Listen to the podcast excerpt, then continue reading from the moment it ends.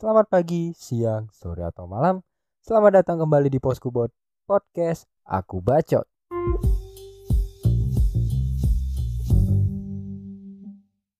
Alright, selamat datang di Poskubot teman-teman. Ya, it's been a while ya. Akhirnya uh, Poskubot bisa kembali rutin upload episode di mana ya banyak yang bilang Poskubot itu kadang suka-suka untuk upload. Tapi ya uh, mungkin di tahun yang baru, di tahun yang akan datang gue akan coba lebih istiqomah. Dan anyway hari ini gue lagi kedatangan seorang bintang tamu nih. Dan sesuai judul kita akan ngebahas soal cosplay dan lain sebagainya. So mungkin untuk menghemat waktu kita perkenalan dulu ya. So oke okay, silahkan diperkenalkan mas. Hello everyone, nama gue Akno Bayu Dewa, panggil aja Akno, tapi sekarang nama panggung gue Geno. Oke teman-teman, sudah mendengar? ya kak, hari ini gue kehadiran seorang cosplayer ya bisa disebut ya. Cosplayer, dancer, ya anggaplah entertainer lah, paling gampang ya. Cosplayer juga boleh, kalau biar sesuai dengan judul hari ini. Ya, uh, ini adalah Akno, uh, rekan saya di Yogyakarta. kolega anjir. Aduh, kolega, rekan sejawat uh, di sebuah uh, kantor lah di Jogja. Ada lah ya, no. iya, gue junior loh. Aduh. Gue juniornya L ini tuh, gue juniornya L coy. Enggak dong, jangan bikin framing gitu. Ah, ter orang kantor denger kan gue yang kena. lo, lo nggak salah lo. Ya, anyway, um, gimana Yo. nih house life? Uh, kita tuh terakhir ketemu kan keluar bareng makan bareng tuh dua minggu lalu gak sih? Keluar bareng makan bareng? No, it's more than that, bro. Yang di mana sih? Yang di like, itu kan? Terakhir, oh iya Amplas itu. It, it's like last month, like, right? Eh, yang Koreaan itu, yang Ah, itu bulan lalu, coy. Like pertengahan bulan, awal bulan, coy itu, coy. Iya ya. Maksudnya gini loh. Mungkin kita emang setiap hari ketemu, tapi momen makan siang bareng kan di mana kita bisa ngobrol bebas ya. Dan itu kayaknya udah lama banget. Iya sih, soalnya sih ada yang tiap kali diajak tuh ngomongnya, aduh nggak dulu deh gue sibuk, oh gue dari kasih makan lah segala macam. Males banget ya, sombong banget itu. Tiap kali diajak mentang-mentang senior nggak mau diajak makan junior. Oh iya, lu nge framing begitu. Enggak, gue emang beneran sibuk gitu mah. ya kita berharap lah ya di bulan-bulan ini bisa lebih santai. Ya amin lah ya gue ya mumpung mau Natal ya momennya harusnya tuh ya kan ada lagunya It's the most wonderful time of the year. Tapi gue gak yakin sih lu bakal tenang. iya sih. It's so far ya. Ya insya Allah semoga semuanya bagus lah ya. Gue udah izin sih untuk Natalan bareng keluarga sih di awal di akhir bulan ntar sih. Oh iya, tapi kan Natalnya tuh di hari libur gak sih emang? Ya Sabtu Minggunya sih emang di Sabtu Minggu sab, apa tanggal 25 24-nya kan Sabtu Minggu, tapi gue dapet izin buat di tanggal 26 27-nya juga. Oh, itu lu gak masuk kantor? Nggak masuk, gue izin. Natalan coy. Oh Natal tuh nggak cuma 24 25 ya? Uh, kan tapi kan acara keluarganya kan di 26 nya.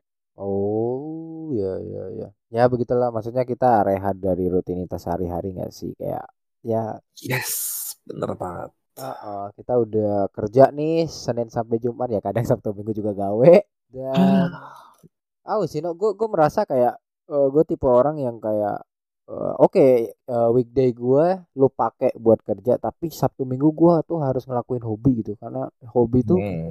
uh, semempengaruhi itu. Di itu hobi itu adalah uh, suatu hal di mana gue bisa nge-recharge diri gitu loh. Dan itu hmm. sangat sangat penting. Dan ngomongin soal hobi nih saya melihat anda itu senang cosplay ya? Ya itu itu hanya hobi baru yang kutemuin sih. Karena tempat pelarian terbaruku semenjak aku ngantor di sini. Oh itu hobi baru? Sebelumnya awalnya tuh kan hobi gue kan ngedance sama acting nih. Cuman itu kan butuh waktu persiapan banyak ya buat latihan pentas pentas nari atau syuting gitu kan butuh latihannya panjang ya. Pasti di weekday juga kemakan kan. Dan semenjak di kantor kan nggak mungkin. Akhirnya gue nyobalah hobi baru ini karena kebetulan gue seneng Jepangan juga selain Korea gue juga seneng Jepang. Gue nyoba sekali eh ternyata asik juga nih. Gue juga dapat circle-nya bagus. Termasuk circle yang udah tenar lah di Jogja. Dan makin dibakar lagi semangat gue akhirnya ya jadi hobi gue sekarang. Oh itu lu bilang tadi hobi baru. Emang sebaru itu ya? Ini hobi baru baru muncul pas gue ngantor. Sebelum gue ngantor mah hobi gue mah ngedance coy. dapatnya gimana? Maksudnya uh, dari lu kan hobinya ngedance sama apa itu tadi acting ya? Uh, Ya. Lu dapat uh, komunitas ini gimana? Maksudnya kayak misalkan nih ya, uh, gua tuh pengen masuk ke komunitas airsoft.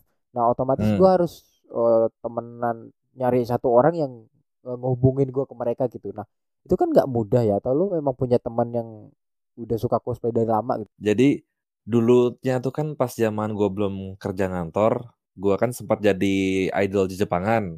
Jadi gue dua nih, dua job nih. Gue idol Korea sama dancer Korea sama idol Jepangan juga. Otomatis kan di situ gue dapat link baru nih. Jepang kan nggak cuma sekedar idol doang kan, ada dunia cosplay juga, ada manga anime juga. Nah, gue kenal sama anak yang cosplay dari dunia Jepangan ini. Terus gue bilang ke mereka, eh kapan-kapan kalau ada proyekan gimana gitu, ajakin gue dong, gue tertarik nih nyoba nih. Oh boleh no, coba ntar ya kalau ada project gue kabarin lu. Nah sampailah terus pas setelah gue mulai kerja, tiba-tiba ditawarin, no ini ntar ada pen- pentas nih di event ini, lu mau join nggak? Tapi lu jadi karakter sampingan dulu. Oh boleh, gasan aja dah.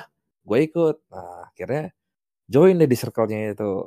Terus kadang kalau kalau misalnya ada event di Jepangan pun mereka nyuruh, no ayo no turun cosplay no, bareng no. Ntar kostumnya tak bantu nyari, yo boleh kayak gitu. Jadi mereka sih yang awalnya dari temenan biasa doang, terus akhirnya mereka yang ngajak aku. Berarti berawal dari itu ya. Nah, buat orang awam ya, gue juga termasuk awam sih dengan cosplay ini. Nah, sebenarnya cosplay itu apa sih sebenarnya? No? Intinya cosplay itu kan adalah kostum play ya, itu ya kostum play. Jadi kita menggunakan kostum dan ini orang Indo mungkin ngiranya tuh cosplay itu oh harus selalu karakter-karakter anime ya nggak? Lu pasti ngiranya ya nggak? Iya. Selalu karakter anime kan? Oh, oh, Sebenarnya gitu. nggak cosplay itu nggak harus karakter anime. Lu selama pakai kostum anggapan lu mau cosplay jadi Superman pun juga itu di, lu pakai kostum Superman pun juga bisa dihitung cosplay tetap. Lu pakai kostum Batman juga cosplay Batman hitungannya dan itu juga kan hitungannya karakter barat kan itu kan western movie juga kan bisa nggak harus anime kawan gue yang senior senior cosplay di sini yang udah terbang ke luar negeri berkali-kali cosplaynya itu paling sering dia tuh karakter game. Jadi intinya cosplay itu ya kita menggunakan kostum dan nggak harus selalu karakter anime. Itu sih. Lu cosplay polisi juga bisa itu kan kalau lu mau. Tapi lu siapa pakai anjir? jadi jadi kalau bisa ini anggapan nih kan kadang lu lihat kan ada anak-anak kalau anak TK kan kadang ada yang punya seragam polisi kan Mhm. di hari Sabtunya kan kalau anggapan orang gede kan kostumnya pramuka yang Mhm. kecil-kecil kadang kan dikasih seragam polisi kan ya itu lu bisa nyebut itu anak kecil tuh lagi cosplay jadi polisi Ih, nggak cuma anak kecil, yang orang gede juga ada cosplay jadi polisi buat cari ah, yo i eh nggak boleh dong nanti nanti ada yang nyadap gimana nih aman aman. Insya Allah. ada tukang bakso nggak nih lewat depan rumah nih Waduh, ntar bawa hati kijang satu ganti. kita jatuh ganti Bener sih, gue waktu itu pernah eh, waktu jalan-jalan lah ya, ada kayak festival gitu. Nah, gue kan Hmm. gue juga suka anime. Kalau eh, kalau Jepangnya mungkin nggak terlalu lah. Gue lebih suka anime. Gue fokus terfokus di anime. Nah, Hmm. dia itu ada yang cosplay. Gue nggak tahu ini sebutannya cosplay atau apa ya. Dia pakai itu kostum Gundam. cosplay tetap cosplay itu untungannya kan dia pakai kostum kan lu sendiri nyebut dia pakai kostum kan Oh, ya iya. kostum dia Iya gitu. Jadi kayak anjir keren juga ya. Dan gue ngerasa kayak em, seru aja gitu datang ke event itu karena selain melihat kostum-kostum yang bagus, terkadang yang cosplay Hinata juga bagus. Eh, Hmm. Sebenarnya kan ini kalau kita bandingin ya dengan hal-hal lain, let's say yang lebih terkenal tuh ngedance, terus juga eh, hobi-hobi lain yang eh, dalam tanda kutip merakyat gitu ya. Nah, kayak apa sih yang bikin lu tertarik di suatu hal yang ya untuk orang awam ini masih belum terlalu terkenal gitu loh. jujur aku juga dulu sempat kayak waktu zaman aku belum masuk dunia cosplay juga sempat dengar loh komentar-komentar negatif soal dunia cosplay yang dianggap sebagai badut segala macamnya kayak gitu. Dan gua agak kesel sih mendengar itu. Tapi kalau gua jujur kenapa gua tertarik di dunia ini tuh kayak anggapnya taruh lagi nih gua seneng banget sama karakter contoh ini ya contoh ya. Gue seneng banget sama Naruto nih. Wah uh, ya moral-moral pesan hidupnya tuh nempel banget di gue nih. Terus gue bisa tuh boleh gue jadi Naruto deh berkostum jadi Naruto. Kayak gue menjadi karakter idola gue loh. Kan orang-orang kadang kan suka menjadi idolanya kan. Contoh orang anggapan K-popper gitu idolnya pakai kostum A dia ikutan pakai kostum A demi menjadi mendekatkan diri dengan idolnya. Ya sama sih. Kalau cosplay kan juga gue pasti nggak cosplay dan kebanyakan orang pasti nggak cosplay karakter-karakter yang dia seneng tuh at least lo minimal tuh loh. Jadi dia bisa menikmati, mengenjoykan itu. Sama kayak gue. Kalau karakter sendiri, lu punya karakter spesifik gak sih kayak gue pengennya jadi ini terus gitu? Hmm, enggak sih, gue belum ada sih. Kayak gua, karena gue juga masih baru ya, jadi gue masih mau ekspor sebanyak mungkin karakter lah.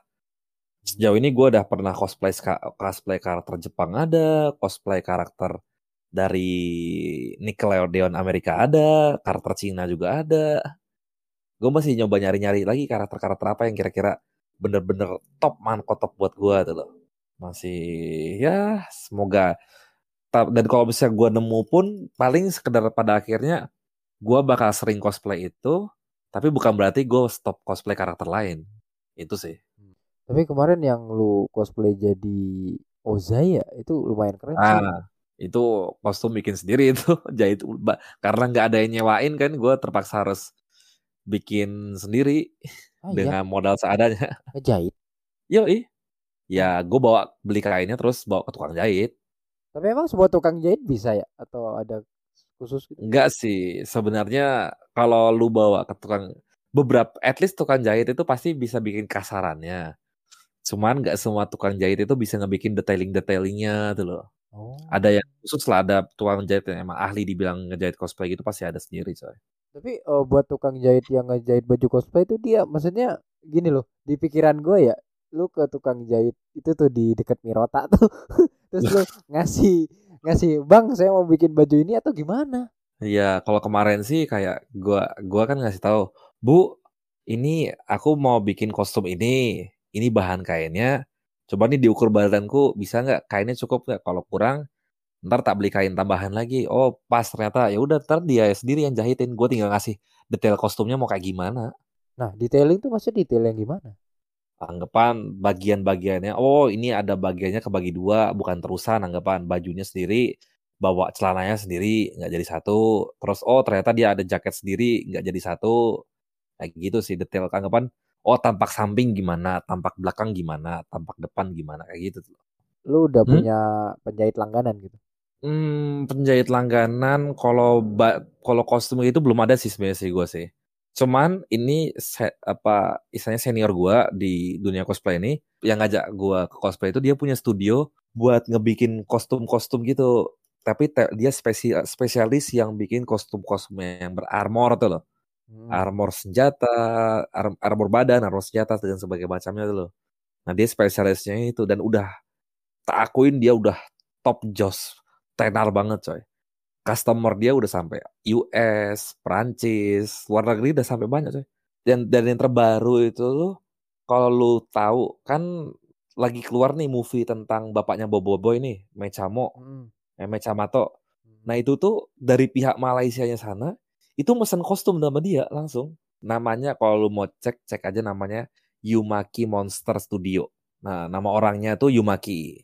Dia udah juara cosplay dari Jogja. Kemarin itu tuh dia ikut World Cosplay Grand Prix, Grand Prix di Jepang tuh aku lupa dia juara berapa, tapi yang di di Arab dia juara satu mewakili Indonesia. Dia cosplay cosplay Dragon Ball. Oh iya, tapi ini nggak diangkat media loh, maksudnya anyep aja gitu.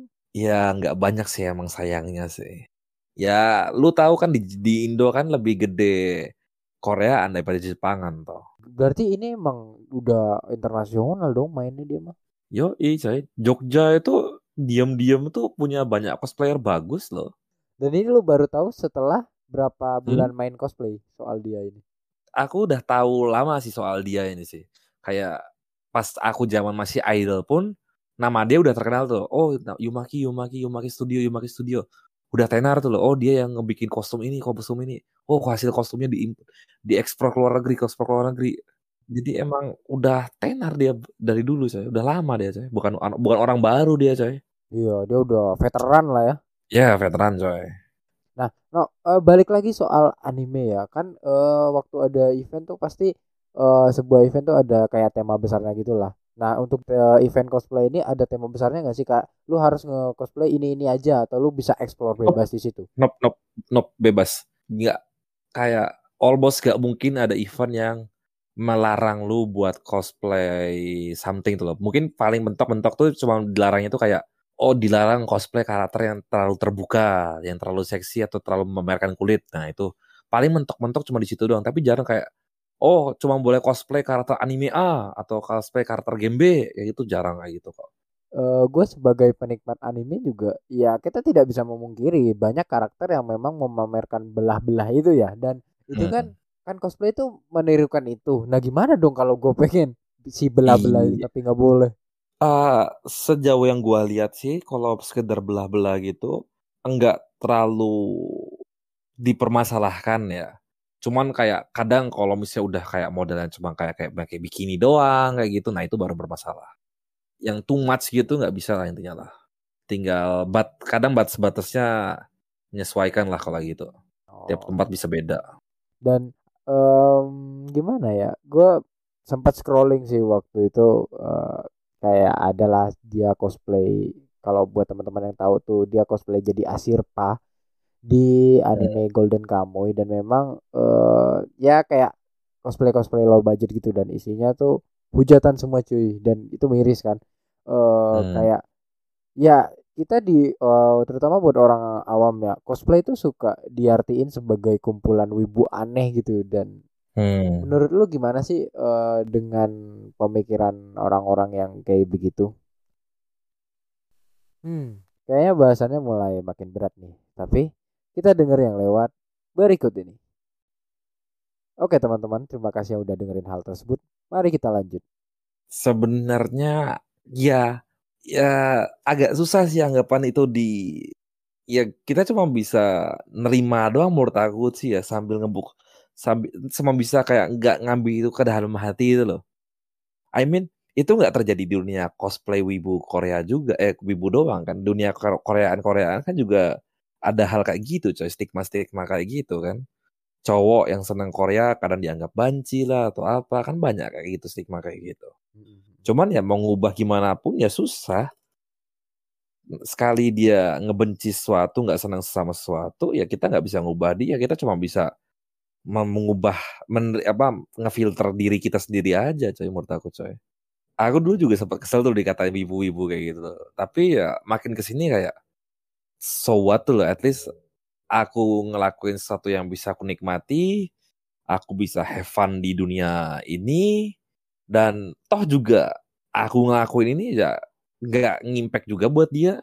Dia nggak ngasih aku duit juga aku nggak bikin dia mati kelaparan juga. Jadi buat apa peduli tuh pada akhirnya tuh gitu sih. Oh ya bener sih. Banyak sih orang-orang yang punya gue bisa apa ya menurut gue pribadi ini bisa dikategorikan sebagai special interest di mana ya memang eh, nggak uh, banyak orang yang suka gitu loh. Dan hmm. banyak dari mereka di saat gue tanya lu tuh dianggap begini lu kok mau sih begini? Ya mereka bilang ya ya setidaknya gue fun gue tidak menyakiti orang lain itu cukup gitu. Tapi kan uh, lu pernah apa ya kesel lah istilahnya gitu. Nah hmm. uh, gue sih punya teori teori tolol itu sebenarnya. Jadi orang tuh gampang menghujat ke sesuatu yang nggak mereka kenal gitu. Yes. Semakin lu semakin lu nggak tahu nggak punya pengetahuan kan semakin gampang buat kayak lu ngehina sesuatu kan. Iya. makanya orang sorry itu saya orang yang kadang kurang berpendidikan kadang lebih gampang benci sesuatu kan daripada orang yang udah tahu banyak hal kan Iya, ya gue tanpa mendiskreditkan orang-orang yang seperti itu ya, karena memang uh, untuk orang-orang yang dalam tanda kutip educated, mereka akan punya referensi yang luas, mereka juga bisa hmm. uh, melihat dunianya lebih luas. Iya betul, jadi kayak cara mereka judging pun ya lebih terfilter dan lebih jarang gak sih? Hmm, bakal mereka mungkin judge kayak lebih bermutu lah itu nggak sekedar asal ih jelek ih ampas tapi kayak cuma ngomong protes protes protes tapi nggak bisa ngasih apa-apa tuh loh. Uh, ya gitu orang-orang yang ngatain tuh ya sorry itu saya ya tanpa mendiskreditkan pihak-pihak seperti itu ya orang-orang yang mereka tuh referensinya kurang uh, ya hmm. kurang uh, well educated juga jadi kayak mereka akan lebih sering ngejudge di saat mereka tidak kenal suatu hal karena hmm. gue percaya deh uh, pasti orang-orang kalau udah tahu cosplay itu sebenarnya gimana mereka pernah uh, ketemu langsung setidaknya itu suka-suka juga karena lu tahu nggak sih gue pernah lihat di reels di TikTok itu ada yang kayak Eh, nggak uh, suka nggak suka uh, cosplay tapi giliran di event cosplay minta foto. iya sih ada sih orang yang kayak gitu sih emang sih. Iya. Nggak nggak cuma satu dua ada kok gitu. Baru tapi emang beberapa beberapa orang emang ada yang kayak prefer kan cosplay kalau lu jadi cosplay kan lu pasti otomatis jadi pusat perhatian toh. Hmm. Buat orang-orang yang mungkin introvert atau nggak suka jadi pusat perhatian, mereka nggak bakal senang cosplay, tapi mereka mungkin bakal tetap senang buat foto sama cosplayer. Oh iya. Lu kalau mau jadi cosplay lu harus siap jadi pusat perhatian coy. Dan kan nggak semua orang siap untuk hal itu. Mau jadi pusat perhatian toh. Tapi kalau ini ini yang kontradiktif nih menurut gue. Uh, hmm? gue juga sebenarnya introvert no. Serius. Siapa? Lu? Gue iya. Tapi banyak yang gak percaya tapi gue itu kalau udah di kantor atau pokoknya di lingkungan lah gue tuh ya friendly friendly aja bercanda bercanda aja tapi gue deep down inside tuh introvert nah Hmm. Apakah ini berlaku sama untuk para cosplayer juga? Misal dia kok introvert tapi dia menjadi pribadi yang berbeda gitu saat nge-cosplay. Bisa aja. Aku punya kawan yang menurut aku dia introvert banget, pendiam banget gitu, malu-malu gitu. Cuman dia dia seneng banget sama ada karakter anime gitu dan kayak apa namanya? Dia pengen nge-cosplay itu, cuman dia kayak terlalu malu itu loh. Nah, kebetulan ya udah tak saranin aja. Lu kalau gitu lu cosplay aja karakter lain yang lu seneng tapi yang masih sekarakter sama lu. Jadi kan nggak semua karakter di film gitu kan yang orangnya hiperaktif semua kan ada orang ada karakter contoh Hinata kan pemalu juga kan ya aku suruh dia cosplay karakter yang semacam mirip Hinata gitu dan mau dia dan di panggung gitu eh di event gitu ya ma, dia berani buat ma, tampil di tempat umum tapi ya tetap kayak menjaga batas loh karena dia datang ke situ sekedar untuk mengcosplaykan karakternya sedang bukan buat kayak jadi pusat perhatian jadi dia cosplay buat diri sendiri lah itunya lah. Uh, berarti memang menyesuaikan ya uh, setiap kondisi. Nah, uh, hmm. kalau kalau di lagi nge cosplay itu misal misalnya kita udah nge cosplay gitu, terus nggak uh, ada yang ngajak foto, itu tuh sebuah uh, kesedihan atau malah senang-senang aja gak sih? Kalau lo ngincarnya popularitas, jelas bakal sedih sih. Kan lo ituannya cosplay buat nyari popularitas, berarti lo berharap banyak yang ngenotis lo kan kalau bisa nggak ada yang ngajak foto atau ngelis lu buat apa lu cosplay nah tapi kalau misalnya lu cosplay cuma sekedar buat I just wanna have fun I just want to use this costume segala macam kayak gitu ya nggak peduli sih kemarin gue pas cosplay jadi karakter dari film Cina itu namanya Wei Wuxian nah itu waktu gue cosplay itu tuh cuma kayak dua orang doang yang ngajak foto sama gue dan I'm fine with that karena ya gue waktu itu cosplay itu bukan untuk cari cari perhatian segala macam. Gue aku cuma pengen kayak oh kostumnya bagus, aku seneng karakternya, aku mau pakai di event lah. Itu doang. Demi aku cosplay buat diri aku sendiri doang, bukan buat nyari popularitas waktu itu. Jadi buat jawab pertanyaan lu itu, menurut aku balik lagi ke ke personality masing-masing, ke tujuannya masing-masing. Lu cosplay itu buat nyari popularitas atau buat diri sendiri, buat have fun sendiri gitu. Ngomongin soal cosplay, ya kita udah uh, cerita lumayan banyak lah tentang cosplay dan ada satu hal yang kayaknya nggak bisa dipungkirin kayak bro kostum itu butuh duit. That's hmm. true, nah, absolutely. Betul dan itu tidak murah, betul? Bener, bener. Cosplay tak akuin cosplay itu bukan hobi murah kalau lu mau bikin sendiri kostumnya.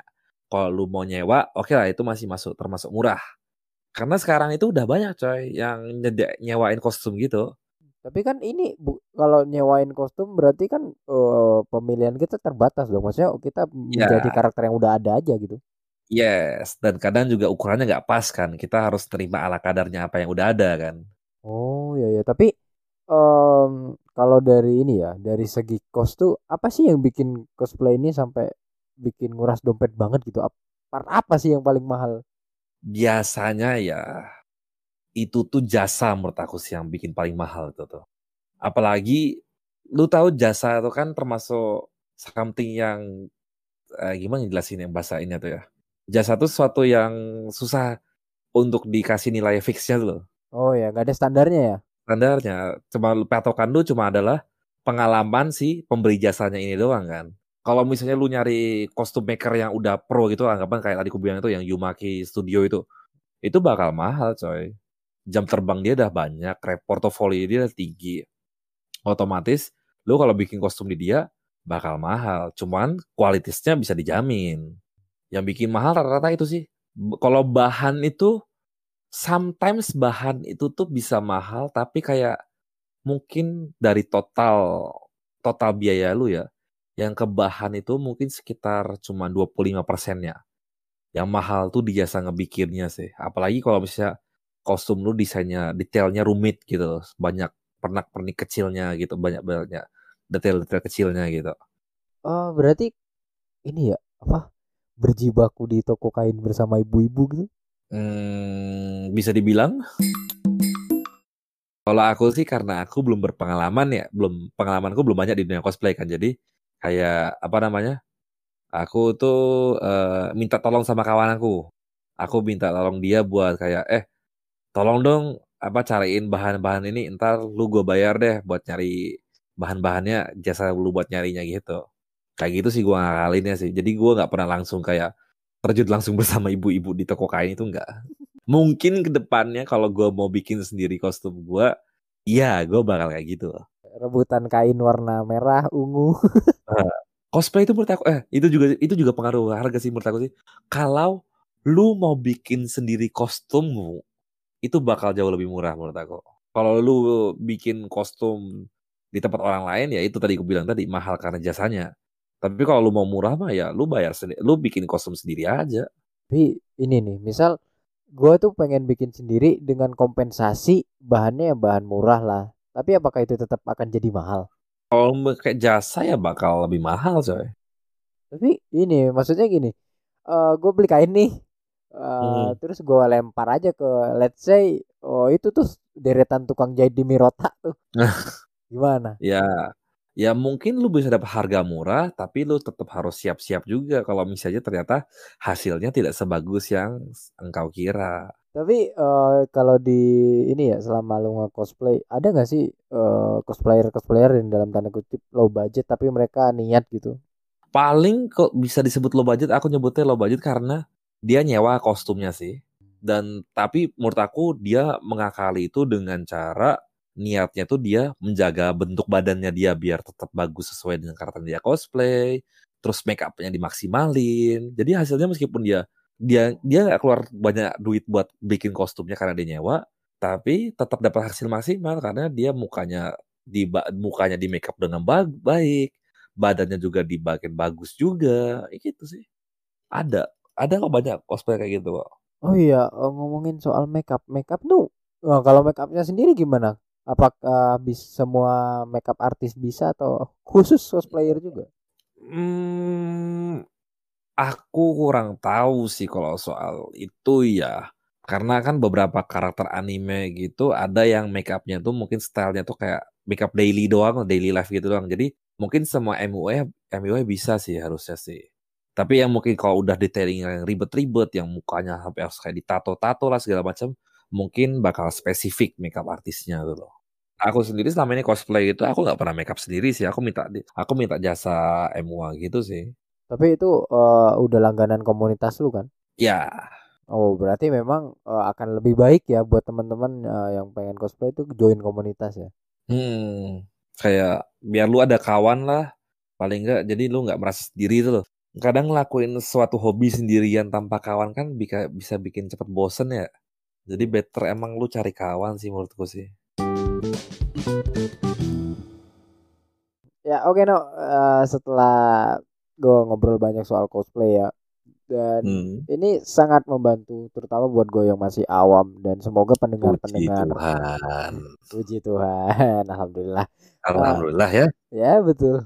Dan uh, eh, gue juga pengen lah buat pendengar Poskubot yang juga sama-sama awam kayak gue bisa mendapatkan value setidaknya insight baru. Eh uh, buat lo sendiri sebagai pelaku nih. ada pelaku nih, baru ya. Ya, betul. Uh, ada ini enggak ada yang pengen lu sampaikan nggak buat orang-orang terutama orang-orang yang masih awam gitu soal dunia cosplay ini? Hmm, mungkin ada beberapa ya. Satu, ingat cosplayer cosplayer itu juga manusia, mereka punya hati juga. Jadi kalau emang mungkin kalian, uh kok jelek banget sih atau ih nggak pas banget sama karakternya, sebisa mungkin kalian tahan. Atau kalau kalian mau sampaikan itu ya sampaikanlah dengan cara yang membangun. Itu satu. Dua, buat semua yang mau terjun ke, ke dunia cosplay menurut aku, gak apa-apa, gak usah takut, masuk aja gak apa-apa. Di zaman sekarang ini hitungannya udah gampang banget kok buat terjun ke dunia cosplay, kalian gak perlu takut. Kalau zaman dulu kan kita perlu bikin kostum sendiri, nyari tahu detailnya sendiri. Kalau sekarang itu udah gampang kok, udah banyak referensi dari online, yang nyewain kostum juga sekarang udah banyak. Jadi cobalah dulu nge-cosplay karakter yang menurut kalian simple atau yang kalian suka dan menurut aku itu bakal worth it kok. At least kalian minimal bisa dapat kawan, bisa dapat pengalaman baru dan itu itu fun loh menurut aku. Jadi gak usah takut buat join dunia cosplay. Mungkin ada orang-orang yang ragu pengen cosplay tapi dengan hmm. adanya podcast ini bisa bisa terjun kan ya bisa iya. mencoba ah tertarik kayaknya nih as. Boleh nih. Iya. masuk dunia cosplay. Gas kan? Nah, gak usah takut. Gak usah takut. Jadi kalau udah memang ah, ada yang seperti itu jangan lupa ya follow poskubot lah minimal. Hmm, betul. Tapi follow gua dulu dong. Poskubot udah banyak followernya. Ya uh, teman-teman buat yang penasaran gue ngobrol sama siapa ini bisa di ini ya IG-nya siapa mas? IG-nya adalah the only one underscore agno the only one underscore agno oke okay, the only one. Agno dan ya yeah. semoga eh, episode kali ini bisa membawa value yang baik buat kalian dan bisa nambahin insight baru nih buat wawasan kalian juga. Jangan lupa uh, ke depannya bakal banyak cerita-cerita menarik seperti ini. So tetap stay tune di podcast ini. Peace out